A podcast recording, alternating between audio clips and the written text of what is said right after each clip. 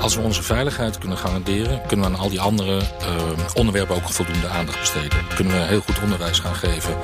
Uh, wordt het onderwijs misschien nog wel beter als we meer kennis hebben van wat in de ruimte gebeurt. Uh, maar het geeft ons ook de mogelijkheid om onze economische zelfstandigheid te behouden. En onze economische kracht behouden. Juist waardoor we veel geld kunnen uitgeven aan onderwijs, aan, aan uh, zorg, aan uh, sociale wetgeving. Maar als onze vrijheid in het gedrang komt en we gaan economisch terug, ja, dat, dan valt het ook allemaal om.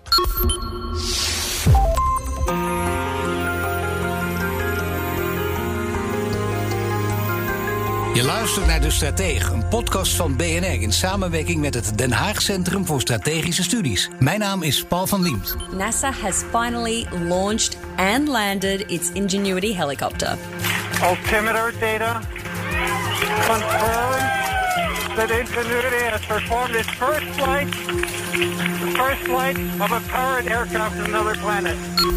Nee, ruimtevaart is echt een, een sleuteltechnologie. Hè? Het maakt andere ja. dingen mogelijk. En ik denk dat dat, uh, dat heel belangrijk is. Ik denk dat het ook wel gezien wordt. Welke uh, militaire kansen en bedreigingen bevinden zich in de ruimte? Dan denk ik bijvoorbeeld aan uh, spionageactiviteiten. Hoe hebben wij landen in de gaten, in de smiezen... die proberen ons af te luisteren?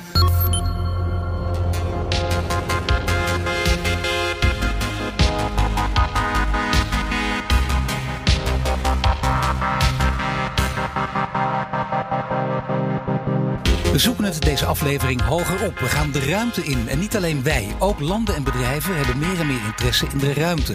Vorige maand nog zagen we de landing en de vlucht van de Mars-helikopter. Er lijkt zich boven ons een ruimtevaartwedloop af te spelen. Traditionele grootmachten als de Verenigde Staten en Rusland hebben concurrentie gekregen de afgelopen jaren. Ze wedijveren met China, Israël en India. En dan heb je natuurlijk ook de Elon Musks en Richard Bransons van deze wereld die een leven op Mars zien zitten. En Nederland? Ook ons land speelt een rol in de ruimte. Van landbouw en voedsel tot volksgezondheid, we kunnen niet zonder. Hoe hard gaat het eraan toe in deze ruimtevaartwedloop? Zijn er wetten en regels waaraan je moet houden? Wat heeft Nederland in de ruimte te zoeken? En bestaat er een Nederlandse Elon Musk die wil investeren in een eigen ruimtevaartbedrijf? Dat ga je horen in deze aflevering van De Strateeg. Van mijn twee gasten Patrick Bolder. Ik ben strategisch analist bij Den Haag Centrum voor Strategische Studies. En Jeroen Rotteveel. Ik ben uh, algemeen directeur van Easy Space en de voorzitter van SpaceNet. We hebben natuurlijk heel veel uh, uh, geluiden vanuit consumentenkring dat er, dat er veel interesse is. Uh, we zien het ook aan de, aan de Google-getallen. Mensen, het, het, zoekgedrag van mensen. Alleen we merken wel dat mensen nog terughoudend zijn als het dat gaat om daadwerkelijk boeken. Ja, waar zou dit over gaan? Hè? Je hoorde ANVR-voorzitter Frank Oostdam voor Telegraaf TV. En nou ja, buiten de dampring kunnen we niet, dus we zullen het op eigen planeet moeten zoeken. Dinsdag gaan we horen of we weer op vakantie kunnen deze zomer. Hebben jullie vakantieplannen, Jeroen? Uh, nog niet, maar ik hoop uh, einde dit jaar weer naar de Antillen te kunnen. Einde dit jaar naar de Antillen. Nou ja, Frank Ozem zit er niet bij. Ik zeg voorlopig, dat moet gaan lukken, ja. En, en uh, wat, wat wil jij, Patrick? Nou, vorig jaar zouden we al naar Noord-Spanje gaan. dat is niet doorgegaan. En dit nee. jaar, mijn vrouw heeft vroeg verlof. En hebben we weer niet de reis naar Noord-Spanje kunnen boeken. Maar gaan we twee weken in Nederland... een week naar Drenthe. Achter, nee, sorry, een week naar de Achterhoek. Nee, sorry. Een week naar Overijssel ja, mooi, en een week naar uh, Zuid-Limburg. Ja, ik haal het ook altijd door, Karel. Maar uh, uiteindelijk Noord-Spanje nog steeds op het netvlies. Dat voor, wordt dan echt... Uh, 2022. Ja, maar Antillen ook leuk als je het zo hoorde. daar ben ik nooit geweest. Ja, nou dan ben ik de enige die nergens heen gaat. After more than six years of development, a long flight to Mars and some nerve-wracking delays, NASA has finally launched and landed its Ingenuity helicopter. Altimeter data confirms that Ingenuity has performed its first flight, the first flight of a powered aircraft to another planet. De Mars Helicopter Fly. Nou, dat moet jullie als muziek in de oren klinken. Hoe belangrijk is dit moment voor de ontwikkeling van de ruimtevaart, Jeroen? Uh, nou, ik vond het zelf wel heel inspirerend. Uh, met name omdat dat uh, laat zien dat je ook met grote miljarden kostende uh, missies, zoals deze, deze NASA-missie, dat je toch ook nog iets nieuws, iets kleins uh, en nieuws kan doen waarbij je uh, risico's neemt. Door dat helikoptertje los te hebben van die grote, dure rover, kan je toch iets heel nieuws en innovatiefs proberen zonder al te veel risico te nemen. Dus een goede combinatie. Ja, dat klinkt heel goed. Ja, vooral dat laatste, zonder al te veel risico te nemen. Dat is ook in deze tijd nogal belangrijk. Wat zegt die landing en die vlucht over de enorme interesse tegenwoordig in de ruimtevaart? In een tijd als deze, waar we opgesloten zitten thuis, is het wel heel uh, opvallend dat we zo enthousiast raken over de ruimtevaart. Uh, het is altijd inspirerend natuurlijk. Een soort jongensboek. De ruimte in, astrono astronaut worden. Maar je ziet nu dat NASA met die Marslanding en al dit soort dingen... het haalt gewoon het nieuws iedereen heeft behoefte aan dit soort uh, inspirerende nieuwe stappen voor de mensheid. Nou ja, dat is inderdaad wel grappig. Hè? Dat, dat denk je eigenlijk niet, uh, zijn niet zo bij stil. Ik ook niet, maar dat is wel waar. Dit is tenminste een positief verhaal. Althans, tot dusver. Want we gaan nu Patrick even bijhalen. En niks aan nadeel van jou, Patrick. Maar ja, toch, ook daar in die ruimtevaart heb je met meerdere spelers te maken. Wie zijn dat op dit moment?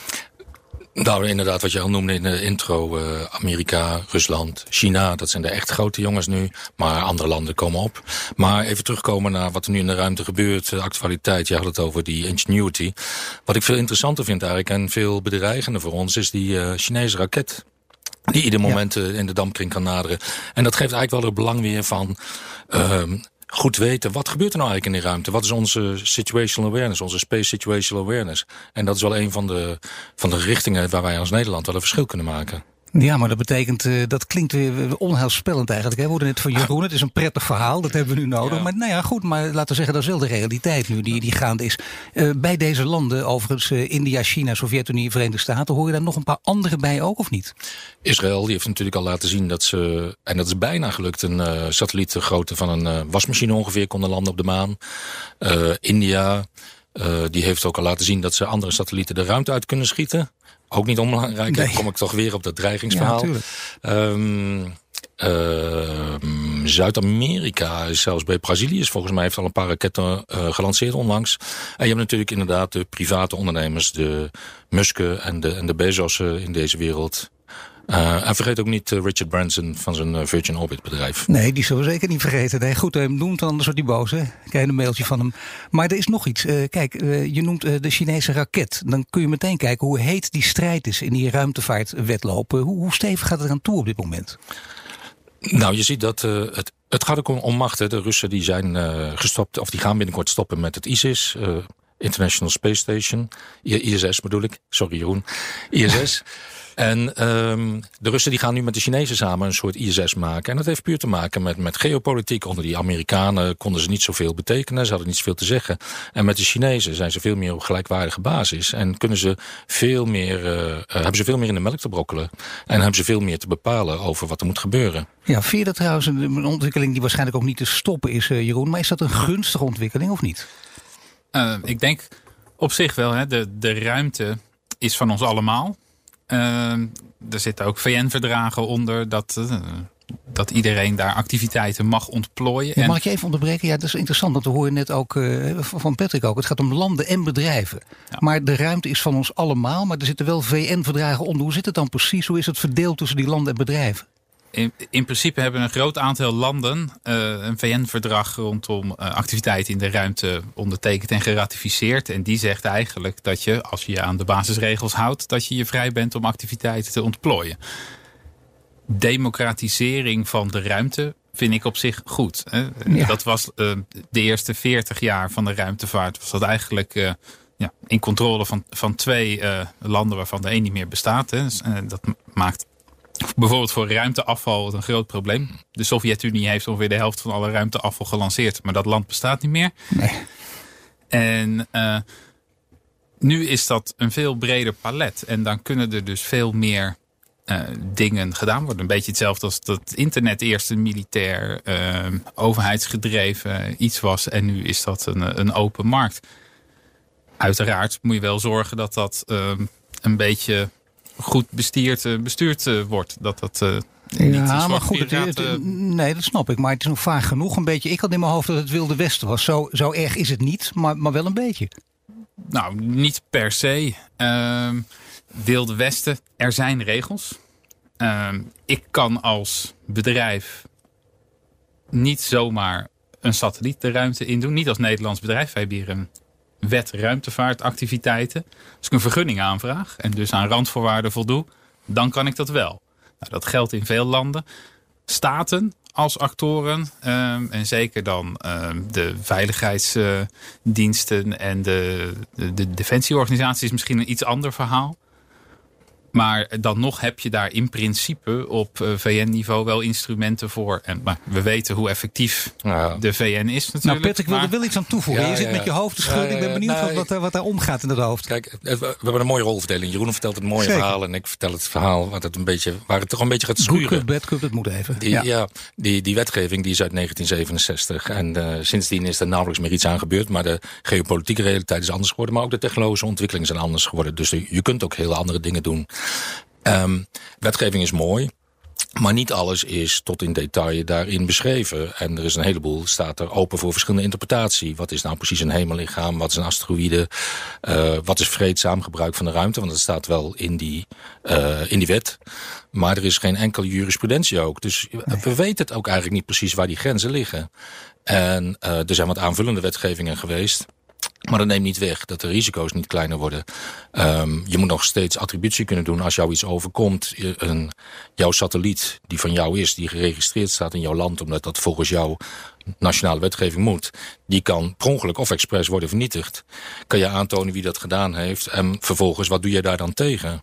En dat zijn allemaal nog wel een beetje grijze gebieden... die nog niet helemaal zijn uitgespeeld. Nee, vrij veel grijze gebieden. Ik denk dat je dit nooit helemaal in kaart gaat krijgen. Maar veel grijze gebieden, daar kan dus ook heel veel... en er zal ook heel veel misbruik van gemaakt worden. Ja, en, en landen lijken op dit moment een beetje uh, zich te weerhouden om die wetgeving verder uit te werken. Want je weet nooit van tevoren welke belemmeringen je zelf opwerpt als je nu hele strenge wetgeving gaat doen. En daar zit een beetje de crux. Iedereen is nu aan het ontdekken wat er kan dat ruimtedomein voor mij betekenen. Ook in veiligheidszin, ook in ondersteuning van mijn krijgsmacht.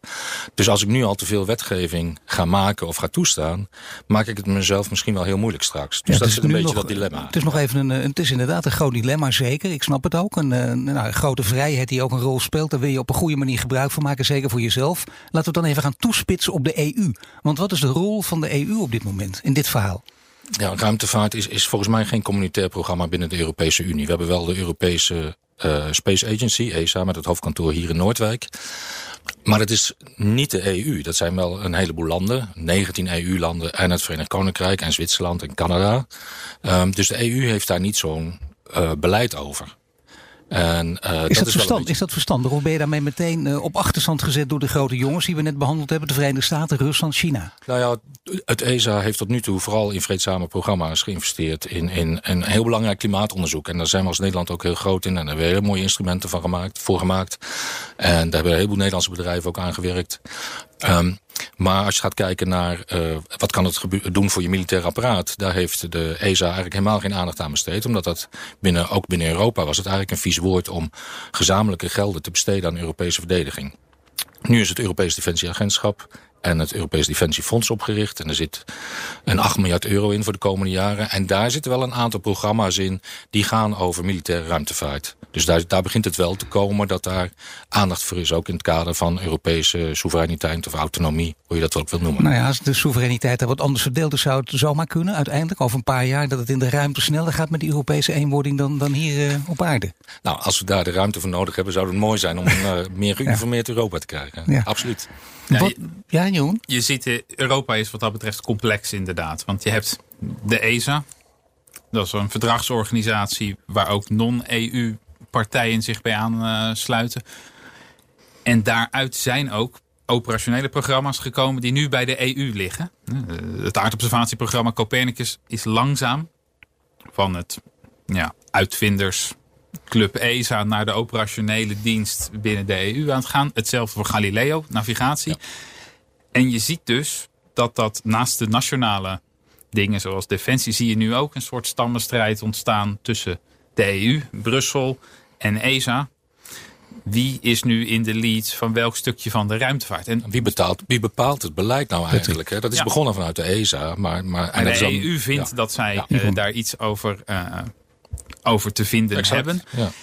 En ESA zegt, maar jullie hebben de technische kennis niet. Dus er begint een soort interessante interactie uh, te ontstaan. Die, als je kijkt naar bijvoorbeeld de, de VS, daar zijn veel meer agentschappen, federale agentschappen bezig met ruimtevaart. En dan heb je die interactie al. Die hadden we eigenlijk nooit zo in Europa op, op Europees uh, gebied. En ja, voordat we een Europese krijgsmacht hebben, is dit misschien het enige goede wat we daar gaan, gaan krijgen. Dat we daar toch een soort interactie gaan krijgen. En dat je dus ook het werk kan gaan verdelen. Jij doet dit, jij doet dat. En wat we gezamenlijk oppakken. Ja, denk je echt dat dit gaat gebeuren? Nou, ik zie enige twijfel in die ogen. Nee, maar de Europese krijgsmachten begin ik altijd een beetje jeuk te krijgen. Dat, dat zie ik niet. We hebben ook geen NAVO-krijgsmacht. Maar we hebben landen die gezamenlijk aan een doel werken... in het kader van de ene of de andere veiligheidsorganisatie. En ik denk wel dat we als Europa veel meer onze verantwoording moeten nemen. En, en ook in het ruimtedomein als Europese landen... veel beter moeten afstemmen. Wat, wat willen we daar? Wat kunnen we daar? Wat is onze ambitie? En inderdaad, wie kan dan wat doen? Waar, wie is waar sterk in? Maar ja, we zouden ook kunnen besluiten. Ik bedoel, dat is echt helemaal de andere kant op. Gewoon niet mee te doen aan het ruimtevaartspel. Maar wat, wat zou dat betekenen? Stel dat, je, dat Brussel keihard die beslissing neemt. Het is te duur, we doen het niet. Nou, dat zal heel erg dom zijn, want uh, je ruimtedomein heb je absoluut nodig voor militaire operaties, voor je eigen veiligheid, voor je eigen klimaatonderzoek, voor je agricultuur. Uh, er zijn zoveel toepassingen. Onze, onze betaalautomaten, die zijn al afhankelijk van wat we in de ruimte hebben. Onze, onze beurzen en zo. Zonder ruimte, zonder middelen in de ruimte, zou onze economie nou binnen de dag instorten. Dan moet ik zeggen dat, ik dat ik ook in onze, onze Space Alert. Begrijp ik. Dat, dat, lees ik ook. En daarom weet ik er nu wat meer van. Maar ik ben er ook niet elke dag mee bezig. En als je dat dan weer leest, als je jouw verhaal hoort, dan denk je, ja, zie je wel. Inderdaad, het moet toch iets meer van de daken gescheeld worden. Want er is nogal wat te halen. Maar wat is er voor Nederland te halen? Met andere woorden, wat heeft Nederland in de ruimte rondvliegen, Jeroen? Dat zijn, dat zijn twee dingen natuurlijk. Wat is er voor Nederland te halen? En wat, wat hebben we daar en wat, uh, wat kunnen we daar Jij doen? kunt het aan twee vragen in één keer beantwoorden. Dat kan ik. Wat hebben we te halen? Ja, heel veel. Uh, weer, navigatie. We zijn een handelsland. Dus het, is het financiële systeem, het logistieke systeem, uh, klimaat, waterbeheer. Informatie is de olie van de 21ste eeuw. Dus je moet informatiebronnen hebben. En uh, sensoren vanuit de ruimte bieden je informatie. Wij als ja, als klein landje die goed is in de export, moet dus ook inzetten op onafhankelijke informatievoorziening. Anders dan ben je altijd afhankelijk van derden. En als dat even niet lekker loopt, dan sta je er buiten. Dus ja, jullie zelf zeggen altijd als SpaceNet, hè, de branchevereniging waar jij de voorzitter van bent, ruimtevaart is overal. Dus uh, ja, als, als dat zo is, en, en langzamerhand komen we toch meer tot de overtuiging dat het ook zo is, zou je er veel meer van het potentieel gebruik moeten maken. Inderdaad, het beste is om het een keer een dagje uit te zetten. Idealiter bij, uh, bij een voetbalwedstrijd, uh, WK-finale waar Nederland aan meedoet. Maar ja, ieder, ieder acht uur journaal zeggen we kijken even naar de satellietbeelden. Dat zeggen we letterlijk. Ieder weer, niemand denkt er bij een ruimtevaart. Maar en hoe goed weersvoorspellingen zijn, dat is niet voor deze uitzending. Maar jij zou die beslissing wel willen nemen om uh, onze WK-finale, laten we zeggen, eerst het EK komt eraan om die gewoon maar uh, even niet uit te laten zenden, omdat er een eh, experimentje plaatsvindt. We zijn het niet meer gewend dat je niet nee. direct nee. vanuit de andere kant van de wereld doet. Dus dat is super belangrijk voor Nederland. En wat hebben we dan in, in de ruimte? Ja, nog niet zoveel. We hebben uh, wat wetenschappelijke satellieten gehad. voor mijn tijd. We hebben wat educatieve satellieten gehad van de universiteiten. Daar is ons bedrijf uit voortgekomen. En nu zetten we voorzichtig de eerste stappen voor overheidssatellieten. Maar de, de BRIC 2 nanosatelliet um, voor, voor Defensie is de allereerste poging van de Nederlandse overheid om een eigen satellietsysteem te doen. We zijn altijd heel erg volgend geweest. We zijn altijd mee een klein stukje van onze expertise in een samenwerking binnen Europa of met uh, de Amerikanen en de Duitsers. Hebben nog nooit echt zelf de leiding gepakt over een uh, systeem. En dat begint nu voorzichtig in een experimentele setting wat te kantelen. En dan kan je dus eigen space infrastructuur hebben waarbij je eigen unieke datastromen kunt genereren om daarmee te doen wat je... Maar het is voorzichtig aan het kantelen. Als jij voorzitter van een branchevereniging bent, dan weet je ook eh, hoe je moet lobbyen. Daar ben je ook mee bezig. En dan, dan heb je een beetje oog op, op waar Den Haag mee bezig is. Uh, heeft Den Haag er genoeg oog voor op dit moment? Ik denk dat uh, het belang van ruimtevaart langzaam in uh, begint te dalen. Maar wat er een beetje mist is een visie of een strategie van wat willen we er nu mee bereiken.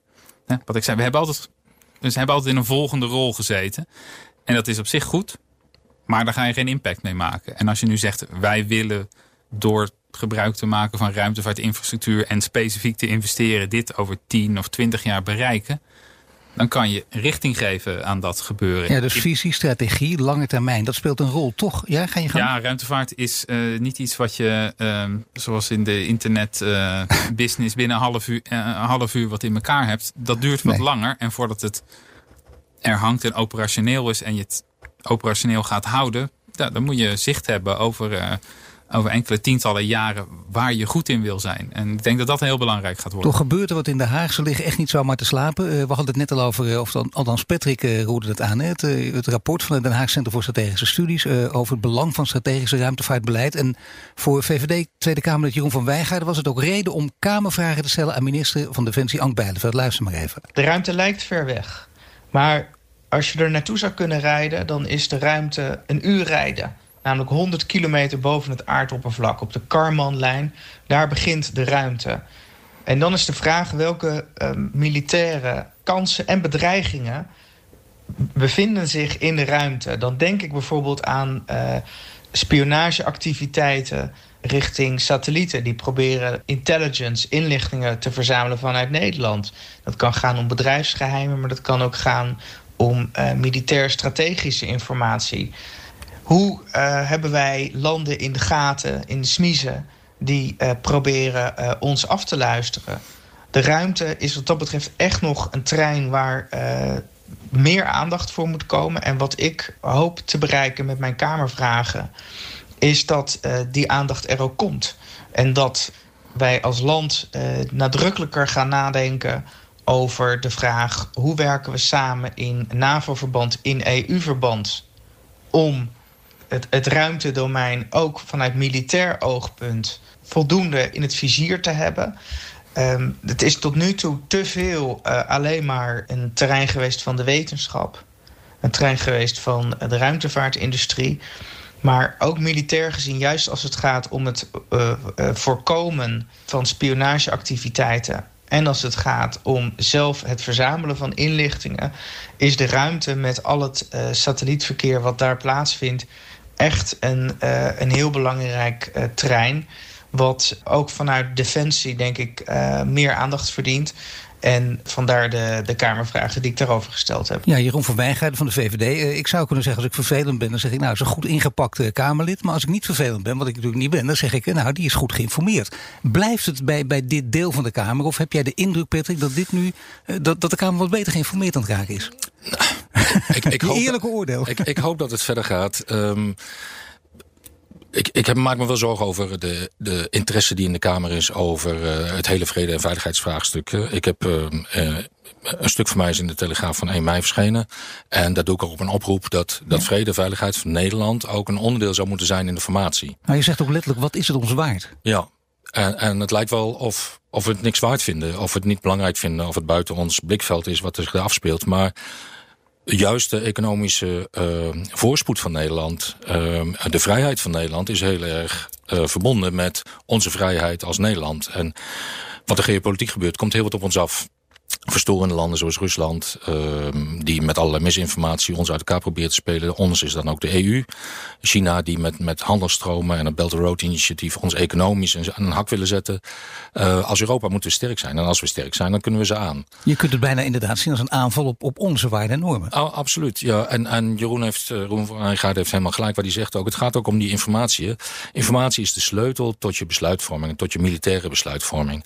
En wat is er makkelijker om informatie te, uh, te, in te winnen van andere landen als je daar overheen gaat. Nou, beneden die van Karmanlijn, beneden die 100 lijn waarvan we vinden dat daarboven de ruimte begint, mag je niet zomaar grenzen overschrijden met je vliegtuigen. Maar een satelliet is, is gebonden aan uh, natuurkundige wetten, dus die moet om die aarde cirkelen om zijn baan te houden. En daarbij overschrijd je in wezen grenzen. Maar dat geeft je ook de mogelijkheid om in die landen te gaan kijken, om belangrijke informatie naar je toe te halen, die van belang is voor je militaire operaties, voor je besluitvorming, maar ook voor je politieke besluitvorming wat kunnen wij als Nederland betekenen met zo'n missie? Maar nou, in de Kamer snap ik dat mensen kunnen zeggen... luister even, we hebben nu wat anders aan ons hoofd... namelijk corona, klimaatverandering en woningnood. Ook zorg en onderwijs. En daar moet echt alle geld en aandacht naar uitgaan. Als ik jou zou beluisteren, of ik kan beter zeggen jullie beluisteren... zeg je nou, dit gaat eigenlijk door, door alle onderwerpen heen. Dit, dit hangt er bijna zo als een helikopter, een paraplu boven. Zeker. Als we onze veiligheid kunnen garanderen, kunnen we aan al die andere uh, onderwerpen ook voldoende aandacht besteden. Kunnen we heel goed onderwijs gaan geven. Uh, wordt het onderwijs misschien nog wel beter als we meer kennis hebben van wat in de ruimte gebeurt. Uh, maar het geeft ons ook de mogelijkheid om onze economische zelfstandigheid te behouden. En onze economische kracht te behouden. Juist waardoor we veel geld kunnen uitgeven aan onderwijs, aan, on, aan uh, uh, zorg, aan uh, sociale wetgeving. Maar als onze vrijheid in het gedrang komt en we gaan economisch terug, ja, dat, dan valt het ook allemaal om. Weet je, ja. er is een, er is een uh, balans tussen. Dat is zeker, maar dan is het dus ook heel belangrijk dat, dat de ogen en oren wagenwijd openstaan. Dat betekent ook dat je in de gaten hebt wat er aan de hand is en dat je niet denkt, oh nee, dat ook nog. Nee, ja, het is, uh, naarmate dit verhaal langer duurt, merk je ook, dit is een onderwerp waar heel veel over te discussiëren valt, waar ook heel veel positieve aspecten aan zitten, Jeroen. Ja, nou, ruimtevaart is echt een, een sleuteltechnologie. Hè? Het maakt andere ja. dingen mogelijk. En ik denk dat dat, uh, dat heel belangrijk is. Ik denk dat het ook wel gezien wordt. Uh, uh, ik was heel blij dat uh, in ieder geval een, een, handjevol politieke partijen expliciet ruimtevaart hadden opgenomen in hun verkiezingsprogramma. Uh, kijkend naar welke partijen ja. dat dan waren, zijn dat wel de winnaars. Hè? de VVD, D66, Volt. Nou, je, zou bijna, je, zou bijna, kunnen zeggen, dat is niet voor niks. Hè? Ik, ik, ik heb hierop gezet, toeval, vraagteken, smiley. Maar kijk, het gaat om onze positie in de wereld afhankelijkheid van informatie overzees. En uh, ja, daar speelt ruimtevaart gewoon een belangrijke rol in. Klimaatproblematiek, super belangrijk. Waar gaan we dat oplossen? Die CO2-uitstootvermindering? Ja, overal ter wereld. Hoe ga je in de gaten houden of uh, India zich houdt aan het sluiten van bruinkoolcentrales of uh, China? Ze gaan je echt niet zomaar alle provincies inlaten. Maar wat Patrick zei, met slimme Nederlandse instrumenten die we voor de wetenschappelijke uh, wereld al gebouwd hebben, kun je wel CO2 of methaanemissies in andere landen meten en daar een bijdrage maar aan doen. Maar dat is een stop zeg. Ik zou bijna zeggen, hier mogen drie uitroeptekens achter als je dat inderdaad kunt gaan doen. Ik bedoel, dat is, dat is heel wat anders dan, dan rapporten die je misschien niet kunt vertrouwen uit die landen. Daar hebben we eigenlijk alles voor in huis in Nederland om een soort Den Haag, City of Peace and Justice. Je zou zo een soort compliance office kunnen opzetten. Uh, gelieerd aan het Klimaatinstituut ja. van de VN. Waarbij je dus eigen, maar ook van andere partners onafhankelijk geverifieerde meetmethoden die overal ter wereld kunnen meten, kunt samenbrengen. Zeggen, zo is het. Zie je dat zitten, Patrick? Zo'n nou, compliance instituut ook? Ja, ja, maar dit is ook absoluut geen toekomstmuziek. Hè. Ons eigen Nederlandse Tropomi-instrument heeft uh, was vorig jaar, vorig jaar of twee jaar terug boven Amerika een lekstroom ontdekt in een methaangasleiding. En de Amerikanen waren niet eens van op de hoogte. Nou, methaan is een nog erger broeikasgas dan CO2, waar we het ja. allemaal over hebben. En dat Nederlandse instrument heeft dat ontdekt en die Amerikanen konden dat lek dichten. Nou, zo zie je maar hoe dat ruimteinstrument, de tropomi, bij kan dragen aan een beter inzicht van wat gebeurt er dan daar. En ja, zeker ben ik het met Jeroen eens. We hebben juist in Nederland, we hebben, we hebben een heleboel kennis, maar we hebben ook um, justitiële kennis, ook over het ruimtedomein. De Universiteit van Leiden heeft een uh, faculteit en die is in ruimterecht gespecialiseerd. En uh, ja, wat kan je dan mooier bij elkaar brengen? En de technische kennis en de, de projectmanagementkennis die in Nederland is. En, en juridische. juridische kennis in, in de hoofdstad van het recht van de wereld, Den Haag bijvoorbeeld. Ja, ja nee, dat is uh, mooi neergezet zo in, in één zin moet ik zeggen. Maar dat betekent dus wel, in deze lobbytijd uh, wordt er een toekomstig regeerakkoord geschreven. Uh, het duurt nog eventjes, maar we gaan ervan uit dat dat een keertje gaat gebeuren. Wat denk je Jeroen, is, is dit dan iets wat, wat niet alleen bij de winnaars, maar ook bij de andere partijen gewoon echt hoog groot en met hoofdletters in hun programma's moet worden opgenomen en te beginnen met het regeerakkoord? Uh, ik denk innovatie in de breedte sowieso. Hè. Je moet uh, nu ja, in nieuwe dingen inzetten. En ja, als Nederland een betere plek wil pakken in, de, in, in het hele mondiale spel, dan, uh, dan hoor je ook minstens on par met anderen die zo'n positie uh, ambiëren uh, te investeren in, uh, in zo'n sector. Dat doet maar ik hoop en ik denk ook eigenlijk dat jij meer weet dan wij hier nu aan tafel. sorry Patrick, maar ik denk op dit gebied wel. Want je spreekt die partijen en dan merk je dat er sommigen ook overstag gaan. Want als je dit verhaal nu ook hoort, rapport leest, dan denk je nou, hier, hier is echt een, een, een fijne wereld te winnen. Ik merk de afgelopen jaren in ieder geval dat men er meer interesse voor heeft binnen de politiek en uh, meer open staat voor potentiële oplossingsrichtingen. Alleen de afgelopen twee jaar zijn we natuurlijk wel enorm gestuurd door de waan van de dag. En dat is nog wel een beetje een probleem. Dit is iets, en dat is het, het probleem van ruimtevaart en andere deep tech dingen. Dit is niet iets wat een oplossing oplevert binnen een vierjarige periode. Nee, mag ik je toch even onderbreken? lastig. Nee, maar dat zag je bij het klimaatverhaal het ook altijd. De mensen hebben geen zin in. Opeens is het gewoon, elke dag wordt er ergens wel over bericht. Het is een onderwerp voor talkshowtafels. En dat gaat ook over de lange termijn. Dus dat kun je hiermee toch ook bereiken? Nou, ruimtevaart, denk ik, als je nu gaat kijken hoe vaak dat in de media is geweest sinds 1 januari, dan is er, gaat er eh gisteren op alle, Ja. op, op alle nieuwsdingen gaat het over die Chinese raket. Dat Het is probleem is, hoe, hoe pakken we die interesse voor ruimtevaart aan om te sturen naar de dingen die belangrijk zijn op langere termijn? Klimaat, eh, kritische infrastructuur, veiligheid.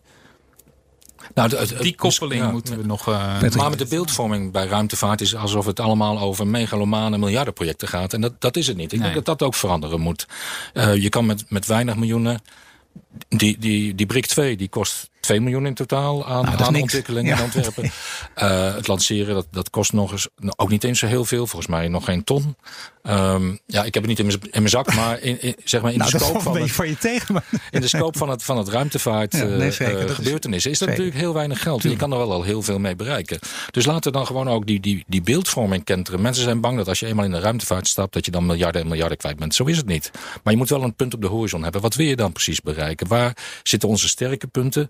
En wat, wat Jeroen net ook al zei, wat ik ook zei, van, weet je, we zijn heel goed in het verbinden in Nederland. En misschien kunnen we door verschillende beleidsterreinen goed te verbinden. En dan hoeft het niet eens veel geld te kosten, maar dan kan je wel een enorme stap Ja, voorwaarts dat is maken. echt een groot punt. Dat verbinden, sowieso netwerken. En misschien niet Ja. alleen Nederland, maar heel Europa. Daar zijn we zelfs veel en veel sterker in dan de Amerikanen. Daar kun je de slag winnen. Zeker op dit terrein ook. Hè. Dat, daar ligt misschien wel de sleutel, of niet? Jeroen.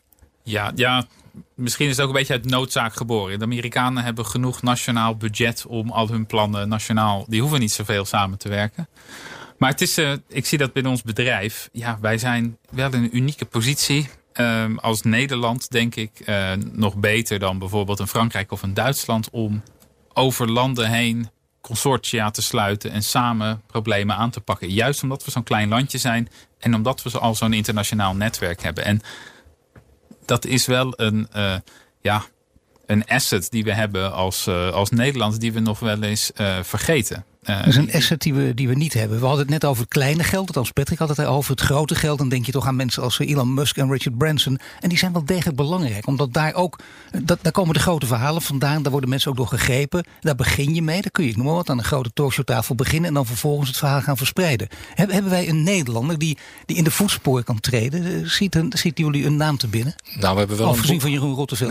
We, we hebben wel een boegbeeld. Dat is natuurlijk André Kuipers. Eh, we, we hebben ook als hadden we maar André Kuipers is, is eigenlijk nog bekender eh, geworden. En hij heeft hele mooie verhalen. Hij heeft een geweldige fotoshow. Je, no, je, je, hij nodigt hem uit voor drie kwartier en dan blijft drie kwartier, eh, drie uur eh, praten. dat Ehm, oh, ja, wat, wat jij zei over Europa. ehm, ja, dat zou mooi zijn als Europa de lead zou nemen. Maar het ontbreekt aan Europees beleid nog steeds.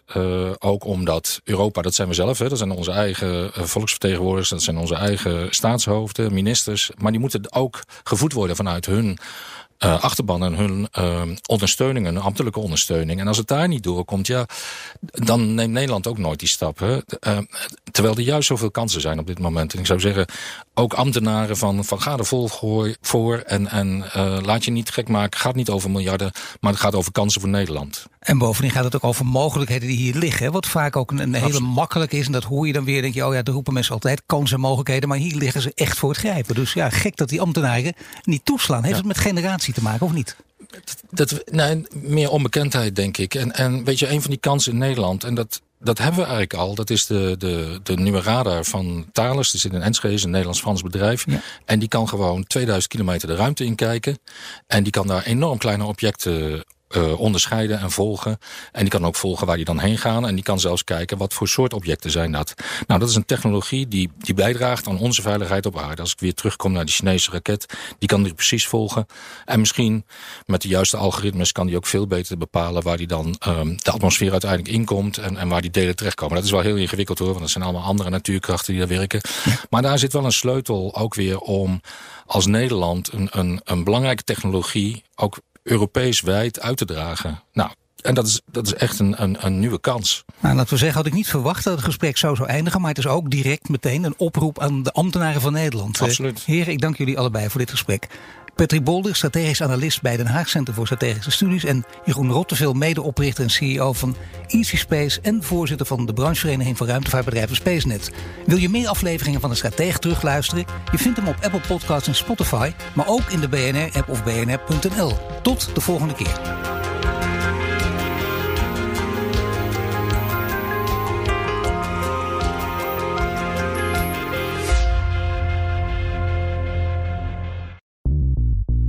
BNR ben je altijd als eerste op de hoogte van het laatste nieuws. Luister dagelijks live via internet. Jelle Maasbach. Wesley Weert. We zijn er voor je met het leukste, opvallendste, maar natuurlijk ook het belangrijkste nieuws. Tijdens de presentatie van die halfjaarcijfers toen die beurskoers in elkaar kukkelde. BNR Beurs. Voor de slimme belegger. Blijf scherp en mis niets.